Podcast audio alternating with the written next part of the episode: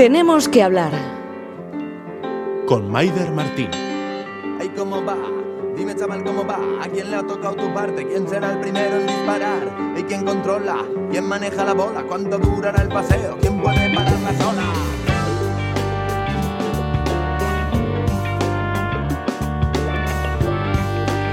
Hola, ¿cómo están? ¿Cómo ha ido la semana? Nosotras nos la hemos pasado buscando datos exiguos, difíciles de encontrar, porque en muchos casos están poco actualizados.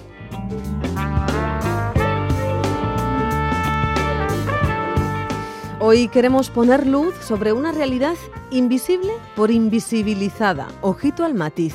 Invisibilizada por la doble moral social que gastamos. Hoy tenemos que hablar de prostitución, así que encendemos las luces rojas, nos ponemos nuestras vestimentas más cortas, más mínimas, y hablamos de esto, de prostitución y de su versión más cruel, la trata. Así que vamos a hablar también de dinero, de negocio, de placer para algunos, de explotación, de miedo, dependencia, disociación, porque somos cuerpo, pero también emoción. Vamos a comenzar por el principio, vamos con los datos.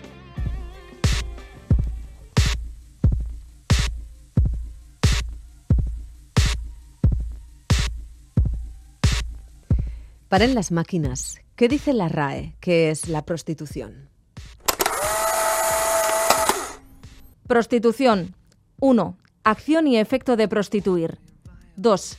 Actividad de quien mantiene relaciones sexuales con otras personas a cambio de dinero. Quizá les parezca que esta definición es escasa, que trata con una asepsia quirúrgica y real ese intercambio de relación sexual, dinero y que deja de lado todas las sensaciones que citábamos al principio. El caso es que España es el tercer país del mundo con mayor consumo de prostitución tras Tailandia y Puerto Rico y que uno de cada cinco hombres han pagado por sexo alguna vez en la vida. Juzguen ustedes cómo de alto es el porcentaje. La prostitución en España no es ilegal, pero tampoco está regulada por una ley concreta. Se encuentra en un limbo alegal que permite que un total de 1.600 locales se dediquen a la prostitución como clubs de alterne. No se tienen en cuenta los pisos que no están regulados de ningún modo y que son los lugares hacia donde evoluciona la prostitución.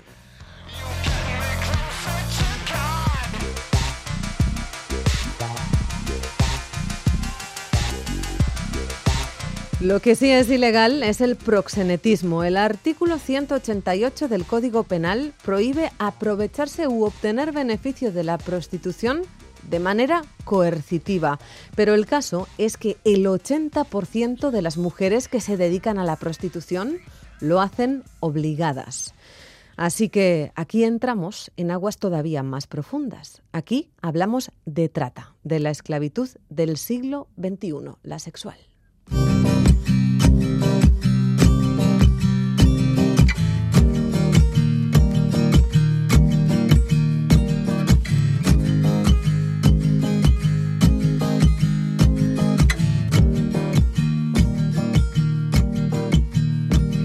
En este viaje prostitucional también vamos a hablar de dos modelos que se dan la espalda, el modelo sueco, el que opta por abolir la prostitución, y el holandés, el regulacionista, opta por regularla, tratarla como un negocio. Y fíjense cómo es la vida que mientras preparábamos este programa descubríamos que Amelia Tiganus presentaba nuevo libro. ¿Que no saben quién es Amelia? Pues ahí les va su perfil. Mira el pasado, sabrás que no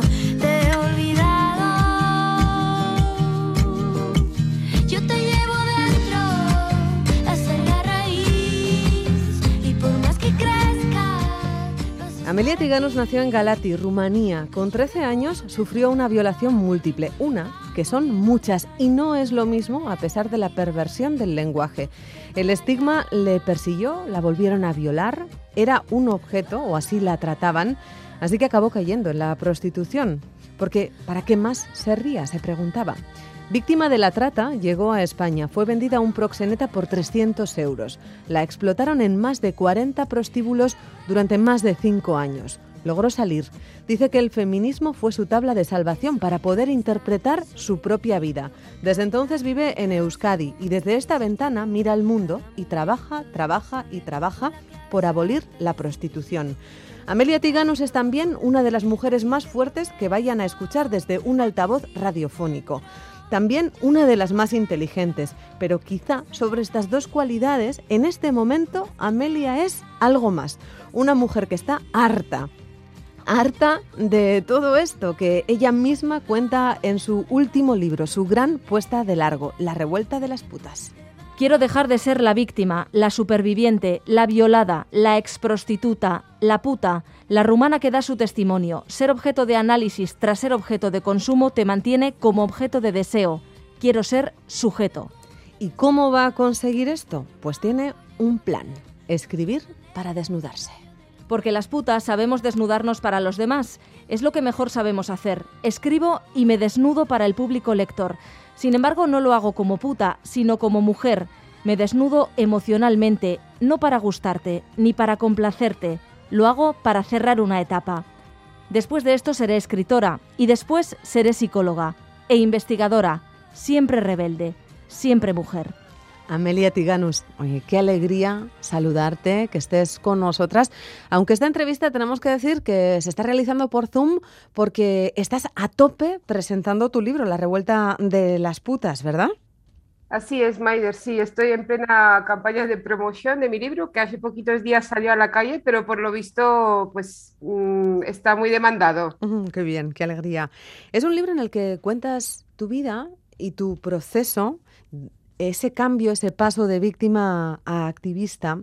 Y como la vida siempre está en los eh, matices, me gustaría que nos hables para, para empezar y para dejar claras las cosas de tres conceptos que destacas en, en, la revuelta de las putas y son regulacionismo, es decir, modelo holandés, abolicionismo, modelo sueco, y el prohibicionismo, con el que a veces se confunde el abolicionismo. ¿De qué estamos hablando en estos tres conceptos?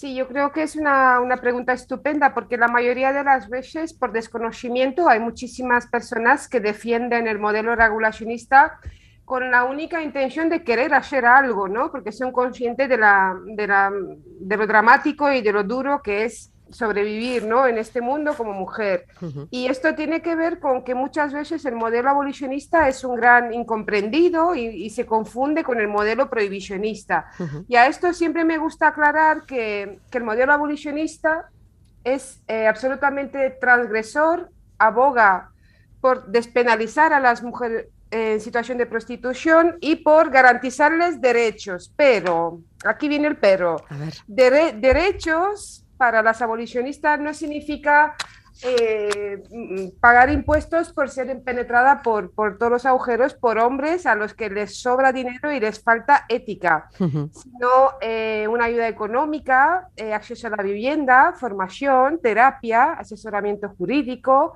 acompañamiento psicosocial, trabajo genuino, ¿no? Uh -huh, y sobre sí. todo este modelo pone en el centro como, como la idea de que aquello que legislamos sobre la prostitución impacta directamente en, en, en la vida de las mujeres y en nuestra eh, pretensión de alcanzar la igualdad entre las mujeres y los hombres, ¿no? Esto por un lado. Uh -huh. Y luego que se persigan todas las formas de proxenetismo, porque, por ejemplo, en el Estado español no se persiguen todas las formas de proxenetismo, y también que se castigue la demanda, es decir, eh, los puteros, esos cuatro de cada diez hombres que, en el Estado español consumen mujeres y niñas, porque cada vez estamos hablando de que, de que esto va a peor, eh, claramente les tenemos que mandar un mensaje de que no está bien y no está permitido, además, no debería de estar permitido en una sociedad democrática que un grupo de personas, en este caso hombres, bastante numeroso, que no son todos, pero cuatro de cada diez ya son demasiados,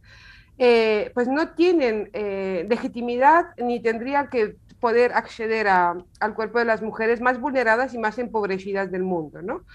Y luego, digamos que esto se confunde con el prohibicionismo y en el caso del prohibicionismo uh -huh. estaríamos hablando de, de un modelo eh, conservador, eh, profundamente moralista, ¿no? Que, que, lo que pretende es simplemente invisibilizar la, la, el sistema prostitucional y castigar supuestamente a todos los actores, pero mayoritariamente son las mujeres las que acaban castigadas, perseguidas, multadas. En este modelo no tiene, este modelo no tiene una mirada, digamos, de derechos humanos, ni mucho menos feminista, ¿no? A lo largo de la historia, la, la prostitución ha estado prohibida o regulada según intereses. Y la Ujú. propia iglesia muchas veces eh, eh, pues ha estado detrás considerándolo un mal menor, ¿no? Entendi- entendiendo que el mal mayor era que los hombres no pudieran pues eh, eyacular sobre el cuerpo o dentro del cuerpo de alguna mujer, ¿no? Eh, decías, en España eh, no todas las formas de proxenetismo están perseguidas. El proxenetismo está penado. Entonces la pregunta es, ¿cuáles no están perseguidas? Sí, mira, por ejemplo, en el Código Penal no se persigue el proxenetismo no coercitivo. Es decir, hoy en día eh, se puede llegar a considerar que una víctima de explotación sexual se ha consentido su propia explotación sexual, eso exime de responsabilidad al proxeneta. Es decir, no hay por dónde coger todo esto. Es decir, ¿cómo se van a enfrentar las mujeres más empobrecidas y vulneradas, desnudas en todos los sentidos, al crimen organizado y tener que demostrar que no han consentido? ¿no? Es absolutamente, no sé, mm, mm, perverso todo este sistema. Y luego, por ejemplo, el, el rufianismo. Eh, después tenemos la tercería locativa, que es por lo que se ha llenado nuestras carreteras de prostíbulos, ¿no? Es que hay más de 1.700 en todo el territorio eh, eh, nacional Ujú. y sobre todo cada vez hay más pisos con, eh, sobre, bajo el nombre de agencias, ¿no? Entonces todo esto es proxenetismo porque se están lucrando eh, a través de la prostitución ajena y para llegar un poco a ligar con, con tu primera pregunta, Ujú, sí. en el caso de regularse la, la prostitución, porque el modelo regulacionista o, pro derechos o pro sex, que lo llaman, eh, aboga porque tengan derechos laborales y paguen impuestos eh, eh, por estar en prostitución. Bueno, pues en ese caso el propio Estado se convertiría en un Estado proxeneta al lucrarse con la prostitución ajena y a los eh, proxenetas los convertiríamos en respetables empresarios, ¿no?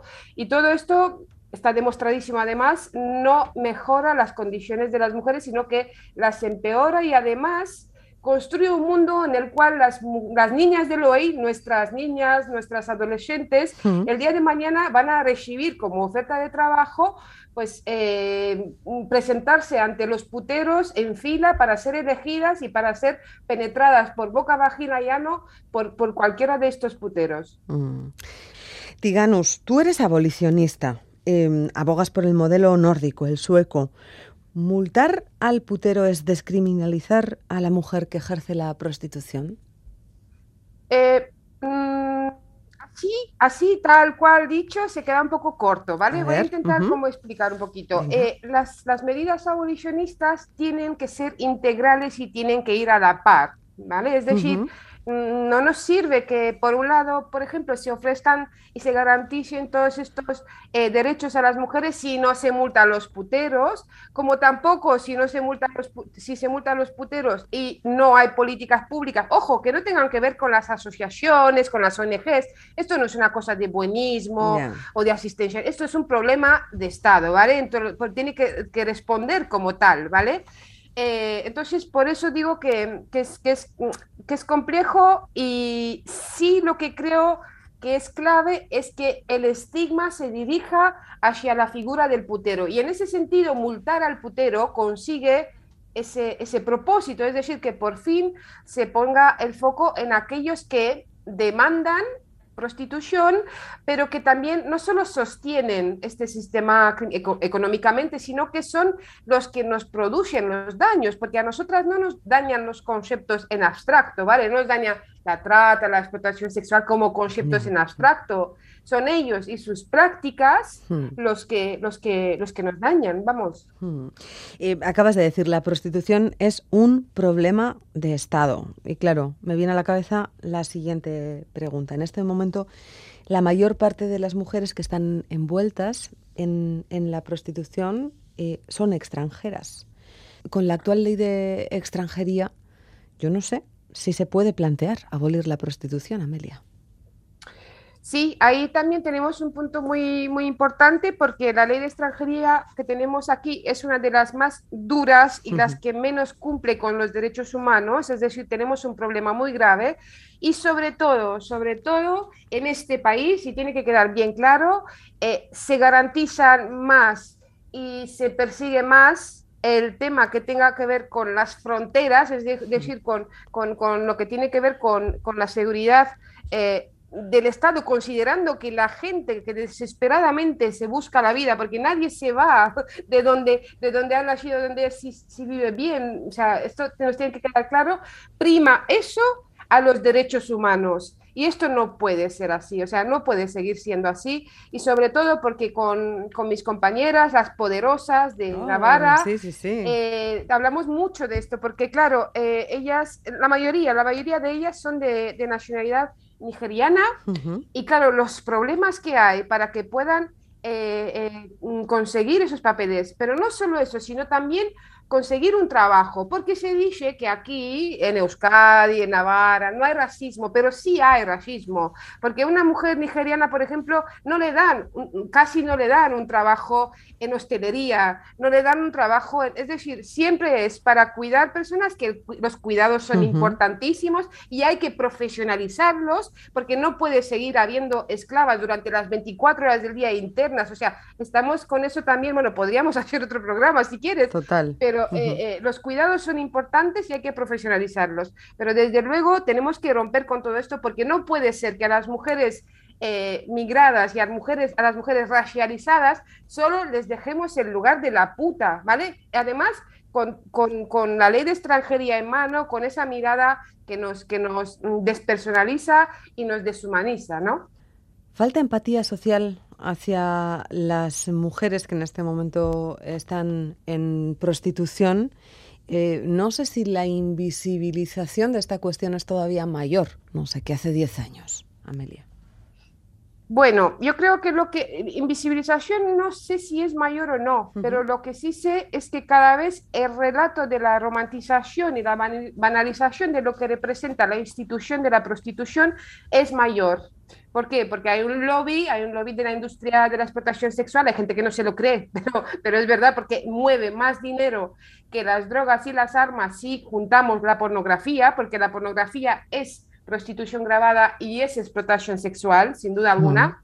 Entonces, es, está claro que hay muchos intereses en, en banalizar con todo esto y, e Internet y redes sociales consiguen amplificar este mensaje y lle- llevárselo a, a nuestras adolescentes. Es decir, estamos en un momento crítico y tenemos que prestarle mucha atención a eso. Eh, ¿La prostitución acaba cuando sales del prostíbulo?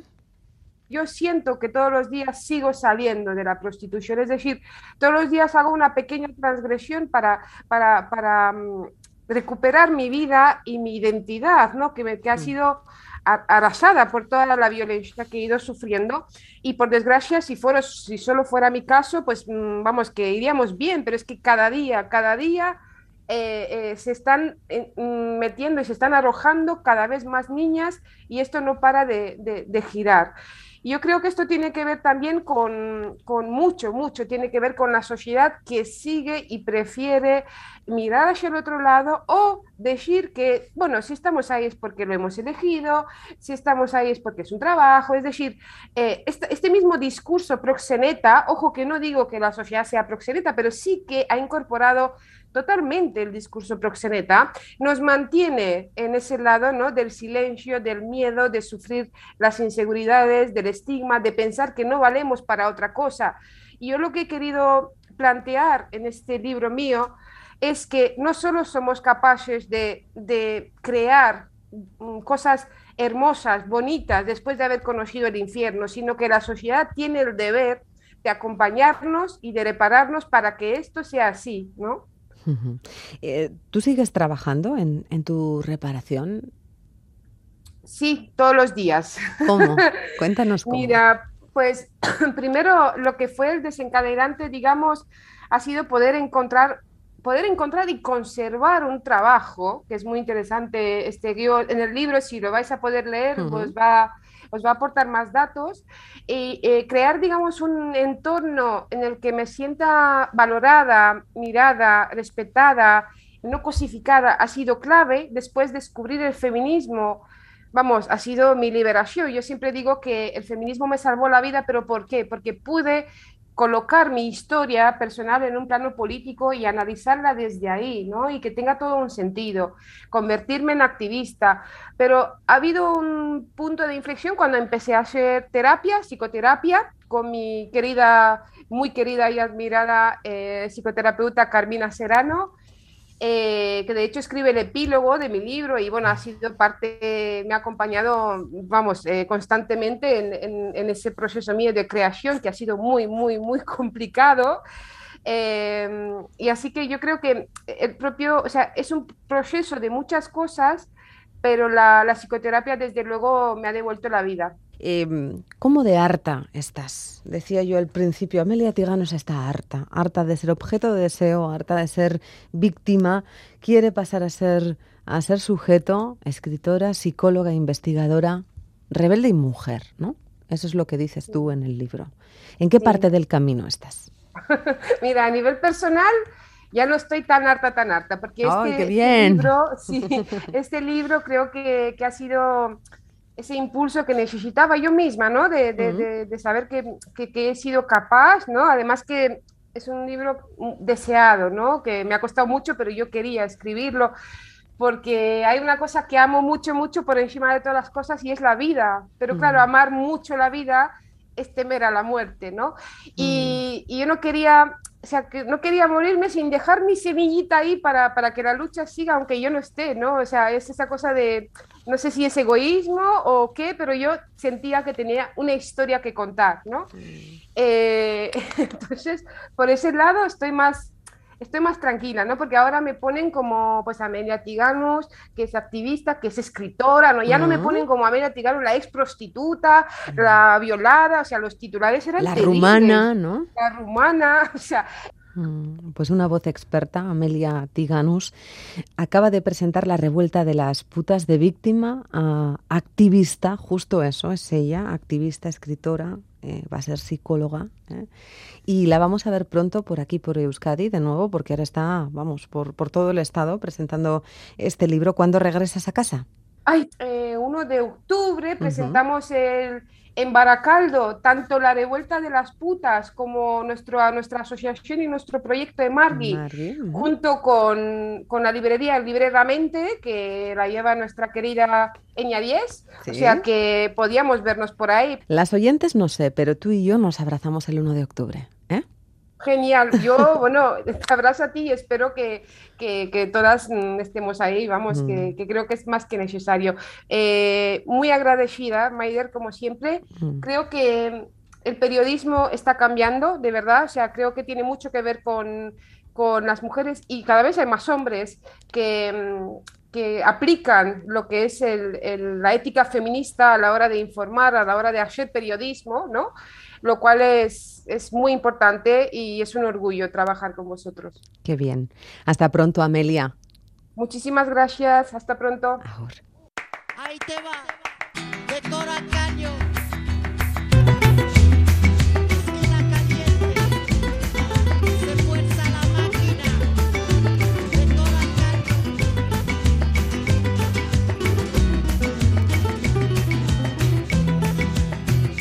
Me llaman calle pisando baldosa, la revoltosa y tan perdida. Me llaman calle, calle de noche, calle de día. Me llaman calle. Pues eso, que hablar de prostitución y de trata es también hablar de calle. Hasta allá nos hemos ido, a encontrarnos con quienes asisten a estas mujeres de manera directa. Hablamos de organizaciones como Ascavide, en concreto de esta organización. Y no están en la calle Amparo número uno de Bilbao porque sí, sino por estar cerca de quienes asisten. Comenzaron su labor en 1985, en pleno barrio chino, cuando la prostitución era visible, evidente, mucho más que hoy, que se tapa en pisos, Pero esto no lo voy a contar yo, sino Diego Lodeiro. Él es coordinador del Centro de Acogida de Ascavide, también es educador social y a su puerta hemos llamado.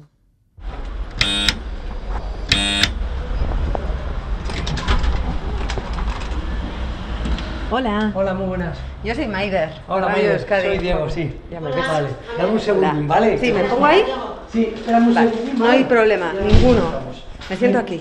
Perdona, ¿eh? En el interior, unas cuantas mujeres esperan a ser atendidas y nosotras nos sentamos a esperar que Diego nos atienda también. Él recorre con presteza el pasillo, cerrando tareas pendientes. Hola, estás.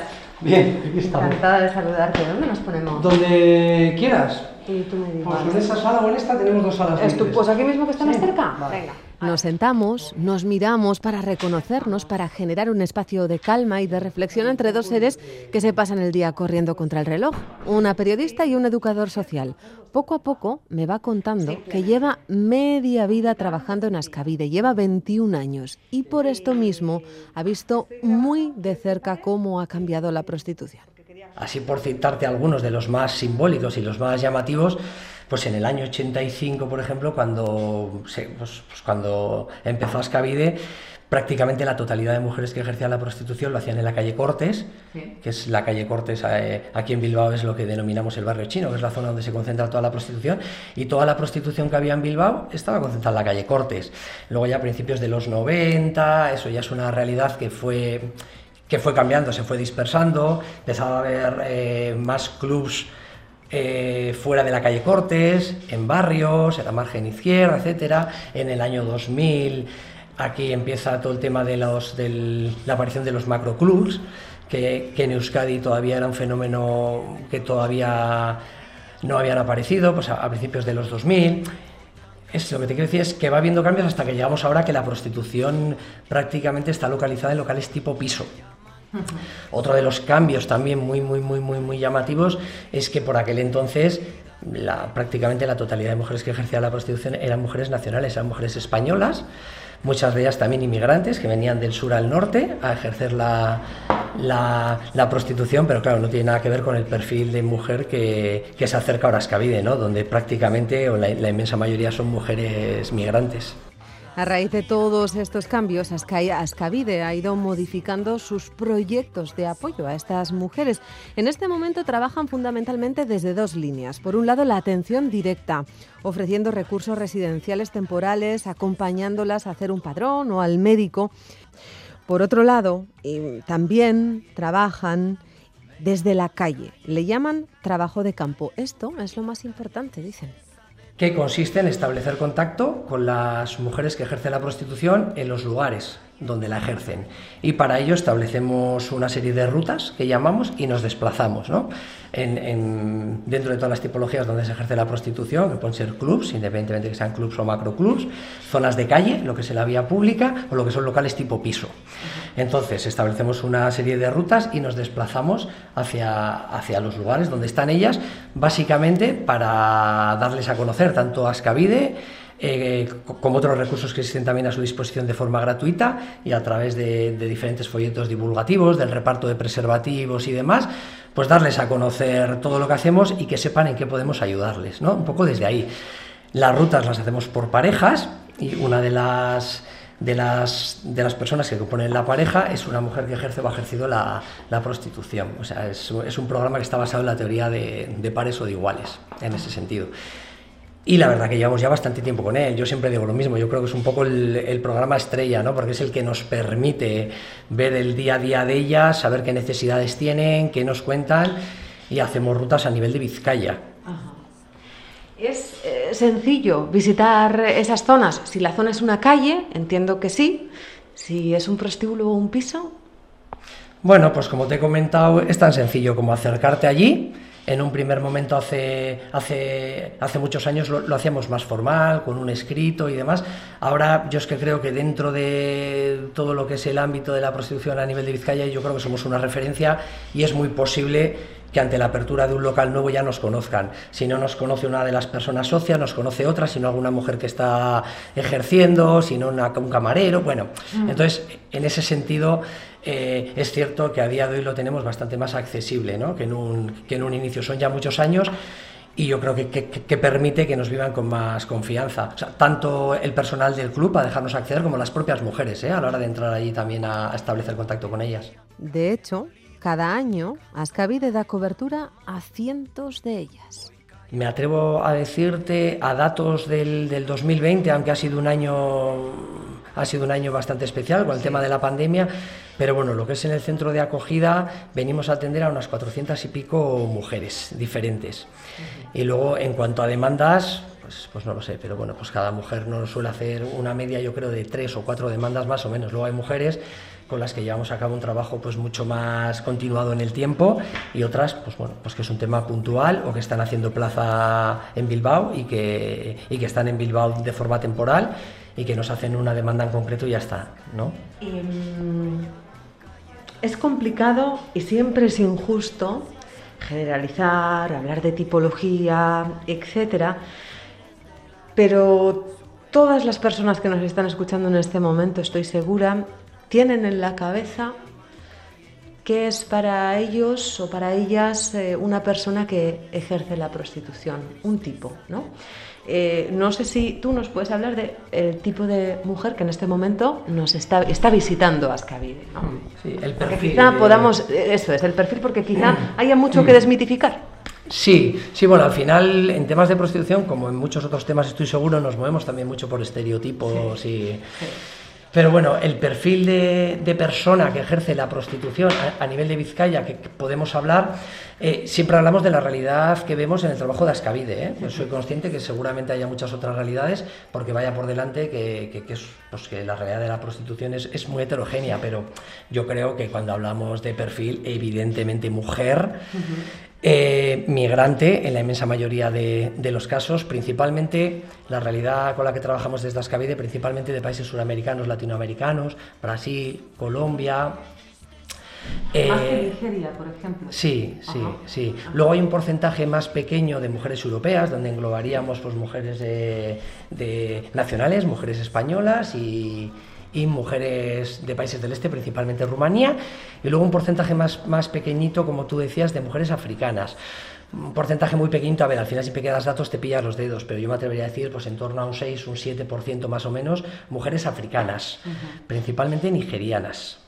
Aunque también te digo que este último año no sé si se puede sacar alguna conclusión o si ha, porque ha sido un año bastante, bastante especial en, en- entonces no sabemos si los cambios que se han dado han venido para quedarse, si, todo volverá otra vez a lo que era antes de la pandemia o, si no, ¿no? Lo que sí que ha puesto en evidencia la pandemia, lo que te comentaba antes, era la fragilidad del colectivo, digamos, ¿no? Eh, que, pues, ha puesto un poco en evidencia lo que llevamos muchos años denunciando desde, desde Ascavide, ¿no? Porque son mujeres desprotegidas que, que por lo general no, no han podido acceder a las ayudas que se ha ofertado desde las diferentes administraciones públicas con el tema de la pandemia, ¿no? Básicamente por no cumplir requisitos, ¿no? Son mujeres que muchas veces están de paso por la ciudad, no tienen empadronamientos, eh, mucho menos contratos de alquileres, entonces eso muchas veces ha hecho que no puedan acceder a las ayudas municipales y de ahí pues que hayan acudido a asociaciones como, como Ascavide, ¿no? Más aún cuando las, las medidas que se establecían, ¿no? Por el COVID chocan frontalmente con el ejercicio de la prostitución, ¿no? entonces también ha hecho que disminuya muchísimo y que, y que sobre todo en los meses de confinamiento nos hayan contactado muchísimas mujeres, sobre todo mujeres nuevas. Nu- nuevas decimos que no habían contactado antes con Ascavide, ¿no? que sí que nos conocían del trabajo de campo, saben quiénes somos, saben lo que hacemos, un poco lo que te comentaba el trabajo de campo, pero nunca habían levantado el teléfono y se, y se habían acercado aquí para hacernos una demanda en concreto, ¿no? y ahora sí lo han hecho. ¿no? Entonces, bueno, eso es, pues, eso pone un poco en, en evidencia, bueno, pues que nos conocen, saben lo que hacemos y que en el momento que, que necesitan, pues que sepan dónde estamos, ¿no? Que ese es el último objetivo de- del trabajo de campo, claramente, y de Ascavide. ¿Se puede eh, afinar una franja de edad?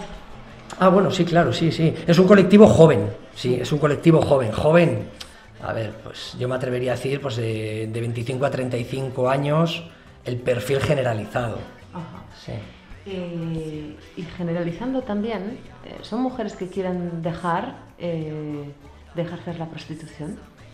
Pues mira, pues en Ascavide nos encontramos con todo tipo de demandas. Por supuesto que nos encontramos con mujeres que demandan una alternativa laboral al ejercicio de la prostitución, pero también nos encontramos con otro tipo de mujeres que nos hacen otras demandas que tienen más que ver pues, con, la, pues, con su día a día, ¿no? lo que te comentaba antes, ¿no? de temas administrativos, jurídicos, etcétera, ¿no? En ese sentido las demandas son muy, son muy heterogéneas. Luego también hay un tema que, que no te comentaba con el perfil, que es el tema de la situación administrativa irregular. Muchas de ellas se encuentran en situación administrativa irregular. Entonces, claro, a la, a la hora de, de de las demandas eh, de, de, orientación laboral, de las demandas de búsqueda de empleo, claro, eso también es un hándicap, ¿no? El, el, no tener papeles, digamos, ¿no? el no poder trabajar de forma asegurada. Vamos terminando, pero no podemos marcharnos y dejar la conversación con Diego sin tocar dos cuestiones más, el estigma y la invisibilización de la prostitución. ¿Esas mujeres viven la prostitución como un estigma? Me decía un día una, una, compañera mía, además da igual que, lo ejerzas, que ejerzas la prostitución una tarde que ejerzas la prostitución durante toda tu vida, ¿no? Va asociado un, un, un estigma, ¿no? Al final el hecho de, de ejercer la, la, prostitución choca frontalmente con todas las, las, normas sociales establecidas y sí, claro que sí, es, es ese cartelito que te recuerda continuamente que, pues, que, que has hecho lo más indigno de hecho, es por eso, por lo que muchas de ellas no lo declaran abiertamente o tienden a ocultarlo, ¿no? Más aún cuando hay familia de por medio, cuando hay hijos menores por medio, pues sí, no, no suele ser habitual que, que reconozcan abiertamente que, que se dedican o que se han dedicado o que han pasado por, por la prostitución y precisamente es por ese estigma ¿no? que en muchas ocasiones les hace llevar esa doble vida, esa doble vida que muchas veces es día tras día, día tras día, año tras año, año tras año y que, es, que es pues, lo que genera muchas veces ¿no? sentimientos de, de baja autoestima, sentir que has defraudado a tu familia. ¿Cómo nos ves a la, a la sociedad, a esa sociedad juzgona, ¿no? Lo que pasa es que el tema de, de, prostitución socialmente siempre va unido a un tema de, de doble moral, de hipocresía, eh, que porque al final no deja de existir la prostitución porque la propia sociedad la demandamos.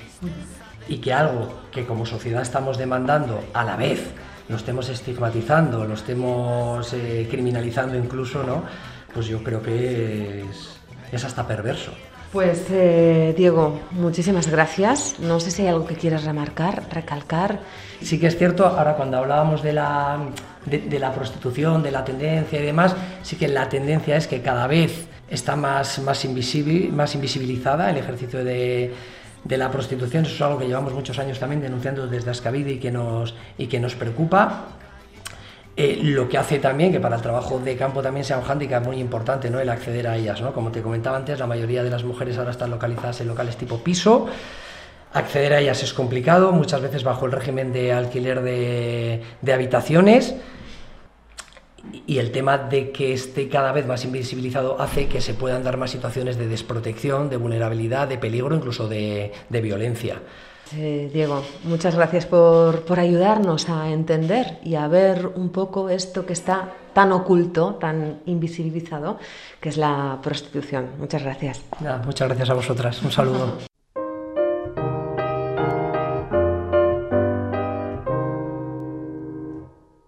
J'habite un coin du vieux Montmartre. Mon père entre sous tous les soirs. Et pour nous nourrir tous les quatre, Ma pauvre mère travaille au lavoir. Moi je suis malade, je reste à ma fenêtre. Je regarde passer les gens d'ailleurs. Quand le jour vient à disparaître, il y a des choses qui me font un peu peur.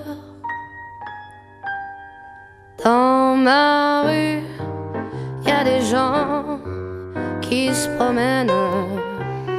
La doble moral con la que como sociedad miramos a la prostitución revictimiza y hace más vulnerables a muchas de estas mujeres de las que el 80%, recuerden, se siente obligada a ejercer la prostitución, lejos del placer, sintiéndose abusadas en muchos casos. El más extremo es la trata.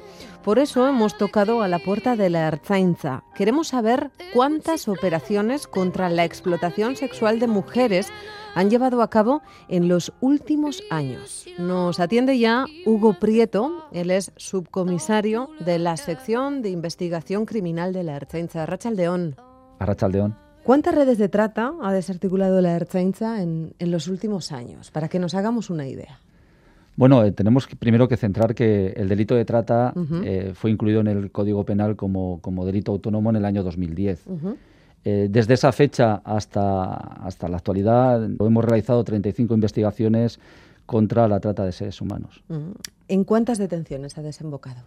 Pues mira, han desembocado en, en un total de, de 66 detenidos o investigados, ¿no? antiguamente llamados imputados, eh, de los cuales eh, 31 eh, han sido mujeres y 35 hombres de esos, de esos 66 detenidos. Esto no significa que en este momento están en la cárcel. Fueron detenidos, se abrió un proceso judicial, una investigación. Correcto, es así. Eh, y en esas 35 investigaciones en 10 años, de 2010 a 2020, ¿cuántas mujeres fueron, han sido liberadas? Un total de 59 mujeres. Cuando abrís una investigación, cuando la Ertzaintza comienza a investigar, ¿de dónde llega la primera pista?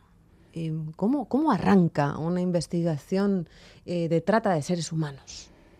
Pues eh, arranca de, de cualquier manera, es decir, tenemos eh, investigaciones que hemos abierto porque las mujeres se han dirigido a una patrulla en la calle o, o bien han, han- han- han llamado eh, solicitando ayuda al, al 112.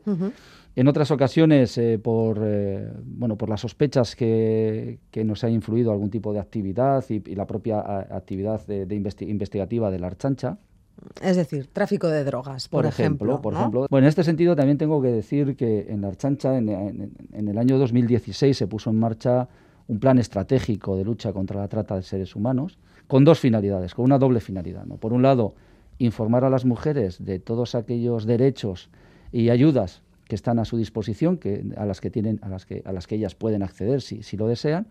Y el segundo objetivo es, bueno, pues eh, al llevar el ojo entrenado, como decimos nosotros, pues intentar detectar eh, alguno- algún indicador que nos pueda eh, hacer, que nos pueda vislumbrar que puede existir un- una situación delictiva relacionada o bien con una prostitución coactiva o bien con trata de seres humanos. ¿no? Trabajo de campo, vaya. Correcto. Porque a través de qué prácticas son retenidas estas víctimas.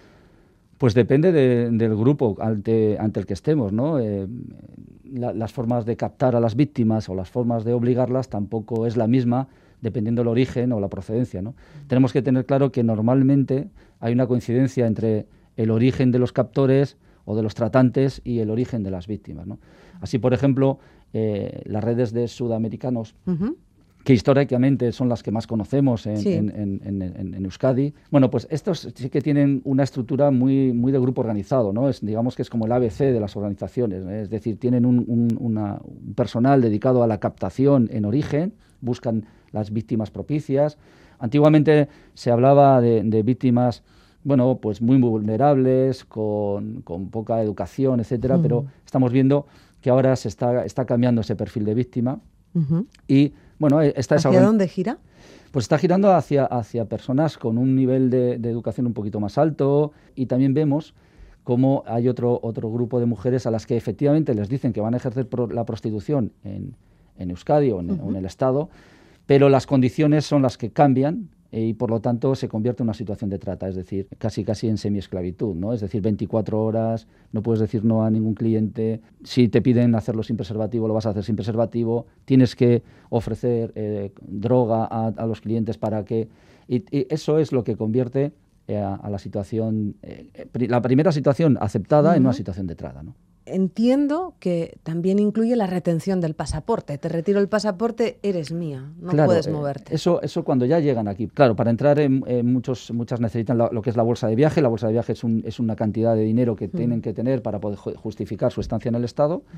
Y cuando llegan aquí lo que hacen es les, quitas el- les quitan el billete, les quitan esa, ese dinero que les habían facilitado y además en origen han firmado una deuda, 6.000, 7.000 eh, euros. Y cuando llegan aquí se encuentran de que todo lo que les habían dicho no era, no, no era cierto. ¿no? Muchas eh, que venían con la idea de trabajar en, en- en otros servicios, pues acaban trabajando en un club. Para ellos reciben palizas o amenazas, porque aunque suene duro, tenemos que tener claro que esto es un negocio, ¿vale? Y las mujeres es una mercancía. No son personas. No son sí. personas, ¿no? Sí, sí. Entonces, eh, luego hablado de los grupos Sudam- latinos. Eso es. Luego Eso tenemos es. los grupos eh, de países del este, ¿no? Principalmente hemos tenido conocimiento de, de- de- de clanes rumanos, ¿no? Bueno, eh, utilizan lo que son los, digamos, los sentimientos, ¿no? El, el, el, el- el overboy que se llama, sí, el, el- como decimos, eh, el guapito de cara que enamora a una mujer y le dice que, bueno, pues que aquí va, va a vivir mejor. Cuando llegan aquí, pues al final Ese novio proxeneta, ¿no? es el novio proxeneta, efectivamente. En este caso, por ejemplo, eh, vamos a encontrar a las mujeres eh, rumanas en rotondas, en calle, en prostitución de calle y, algún- y prostitución de clubs. Luego tenemos las, las redes chinas. Aquí tengo que decir que, bueno, históricamente las mujeres chinas eh, venían a trabajar eh, como, como mano de obra a los talleres, etcétera, pero volvemos a decir que esto es un negocio y los, eh, los chinos se dieron cuenta de que sus eh, varones, eh, bueno, pues buscaban, eh, bueno, mantener que, o querían mantener relaciones sexuales con, con- con mujeres y que mejor para estas organizaciones que decir, bueno, si, si esto es un negocio y nos da dinero, bueno, pues montamos unos clubs, unos, unos pisos mm, solamente de, de mujeres chinas y solamente para chinos, ¿no? Para, para eh, asiáticos. Es ¿no? así de endogámico. Era así, era. Ajá, era. Pero volvemos otra vez a lo que hemos comentado. Esto es un negocio, ¿vale? Entonces se da cuenta, la, la comunidad eh, de, de delincuentes chinos se dan cuenta que los, eh, los, los occidentales también demandan eh, los servicios de mujeres chinas y entonces es cuando abren el negocio a, a la, bueno, pues a, a la ciudadanía, ¿no? a, to- a toda la ciudadanía ori- eh, occidental que, que- que quiera. ¿no? Entonces, bueno, suelen venir con pasaportes, de, de con visados de estudiantes y bueno, pues luego ya se quedan aquí, alargan el, el periodo del tiempo.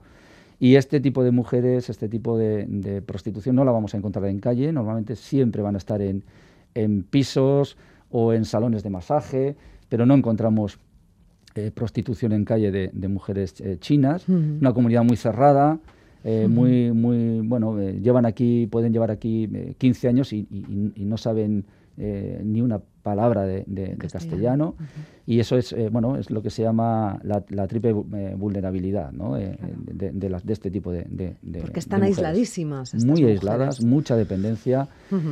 Y por último, hablar de las, de las redes nigerianas, ¿no? Cuando te cuentan las mujeres eh, su, su relato de vida que llamamos nosotros, ¿no? Se te ponen los pelos de punta. Yo creo que son de las eh, explicaciones de- de- de- del viaje y de la captación más duras que yo he escuchado, ¿eh? y he escuchado unas cuantas. Normalmente la, ma- la mayoría vienen de, una zona que se llama Ben City. Allí mismo realizan un, un ritual, el ritual vudú, el yuyu que llaman, que para nosotros a veces nos suena un poco como diciendo, pero ¿cómo se puede...? Eh, bueno, pues es, eh, es totalmente eh, creíble para ellos, es, es- es Es otra cultura y claro, claro, lo tribal está muy presente. total, ¿no? Lo tiene que hacer un chamán de, de allí, de la zona, lo hacen allí, involucran a la familia para que eh, también sean parte de, del ritual, porque tiene que ser así, y además de esa manera también se comprometen con la organización a pagar la deuda, que en este caso suelen ser muy altas.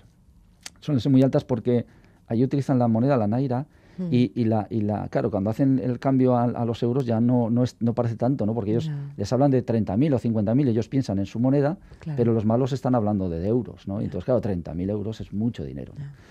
Normalmente les hacen cruzar el desierto de Níger, eh, zona de Boko Haram, van en camiones. Nos contaba una víctima que una compañera cayó del camión y el camión no paró, ahí la dejó en el desierto a, a su suerte. Suelen llegar a las costas de Trípoli y en las costas de Trípoli embarcan en, en lanchas, lanchas neumáticas. Por el camino nos cuentan bueno, pues que reciben todo tipo de vejaciones, palizas, eh, violaciones, incluso son entregadas bueno, pues a diferentes eh, eh, transportistas o, o- o en puestos fronterizos como pago para poder pasar esas, esas fronteras, que las llevan a la zona de Lampedusa. Y mientras están allí en los digamos los, los centros de acogida de, de inmigrantes bueno pues de allí escapan reciben algún aviso de la organización escapan hacia hacia París bueno hacia hacia Centro Europa y ahí ya son vienen eh, al, al País Vasco las que hemos detectado. ¿no? y aquí estas sí que podemos encontrarlas mayoritariamente en prostitución de calle No sé ni qué decir, Hugo, porque se me, se me hiela el corazón y las palabras se me quedan ahí congeladas. Se nota que estás co- acostumbrado a trabajar con esto, a lidiar con esto y a hablar de esto, pero la siguiente pregunta obligada es, ¿y estas mujeres, me da lo mismo que sean latinas, que de países del este, chinas o nigerianas, cuánto tiempo permanecen en esta red de trata? hemos tenido casos de, de mujeres que hemos liberado y llevaban muchos años, porque, eh, como te he dicho al principio, esto es Mm. un negocio y la mujer cuando en un sitio ya no es un reclamo suficiente para los clientes, pues la cambian a- o la venden a otra organización. Entonces, eh, siempre se va generando una deuda. Luego, además, son multadas muchas de ellas, pues por llegar tarde, por no cumplir la norma, por cualquier cosa que considere el tratante, sube la deuda La deuda eterna. y, por lo tanto, efectivamente, no se acaba nunca, ¿no? No se acaba nunca la deuda, ni el problema, ni el abuso. No es gratis que la trata sea considerada la esclavitud del siglo XXI, claro. Hugo Prieto, subcomisario de la sección de investigación criminal de la Ertzaintza, es que ricasco por ayudarnos a poner un poco de luz desde la perspectiva policial en este tema. Muchas gracias a vosotros.